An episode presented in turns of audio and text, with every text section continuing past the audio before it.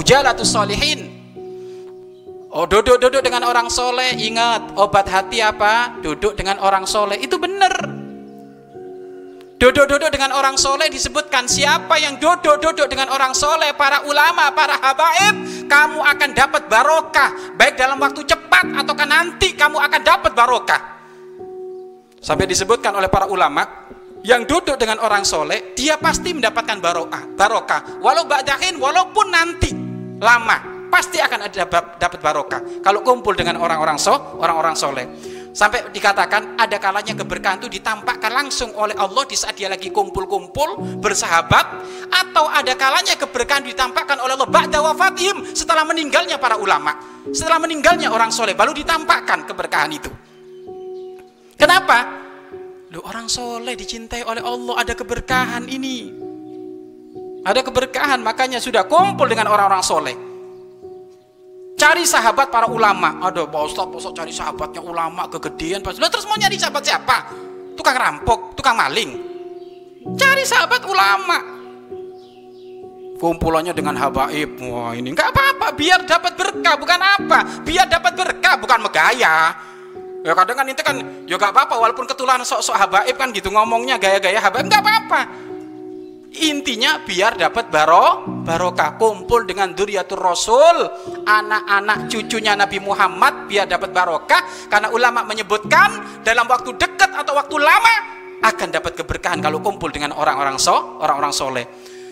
Kalau ada yang bertanya, Pak Ustadz saya sudah kumpul dengan orang soleh tapi nggak pernah dapat berkah ini gimana Pak Ustadz? Ada dua sebab yang menjadikan kamu nggak dapat berkah di saat kumpul dengan orang soleh. Satu, kilati ta'zim kilat kilatu ta'zim ilaihim. Ku kesedikitnya kamu ta'zim penghormatan kepada beliau makanya nggak dikasih barokah oleh Allah. Kalau ada kumpul dengan ulama orang soleh kok nggak dapat berkah hidup kamu kurang menghargai kurang menghormat makanya nggak ada barokah. Satu.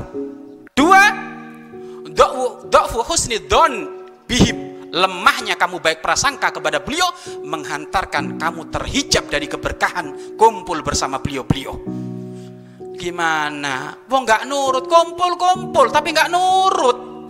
Sudah dibilangin jangan makan riba jangan utang. Angger baik.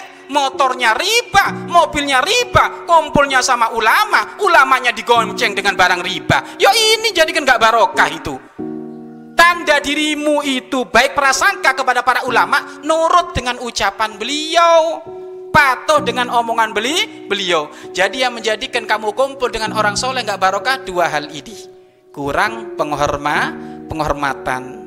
Kurang baik prasang prasangka. Sehingga nampak kepada perilakunya nggak patuh nggak nurut. Ya hati-hati yang gak nurut, gak patuh dengan ulama, hidupnya gak bakal ada barokah. Inti tahu siapa ulama nak?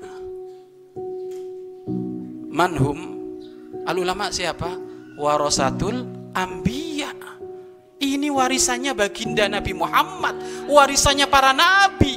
Jangan macam-macam dengan ulama. Kalau kamu bahlul, lenglong, bebel, beradablah dan patuhlah kamu kepada ulama biar berkah biar ber berkah. Dan itu sudah terbukti cerita seperti itu sudah terbukti cerita itu. Banyak orang-orang yang ta'zim benar kepada ulama yang nurut patuh kepada ulama itu hidupnya adalah baro barokah. Maka ayo sekarang cari teman yang ben yang benar. Nyari teman yang kualitasnya top ya.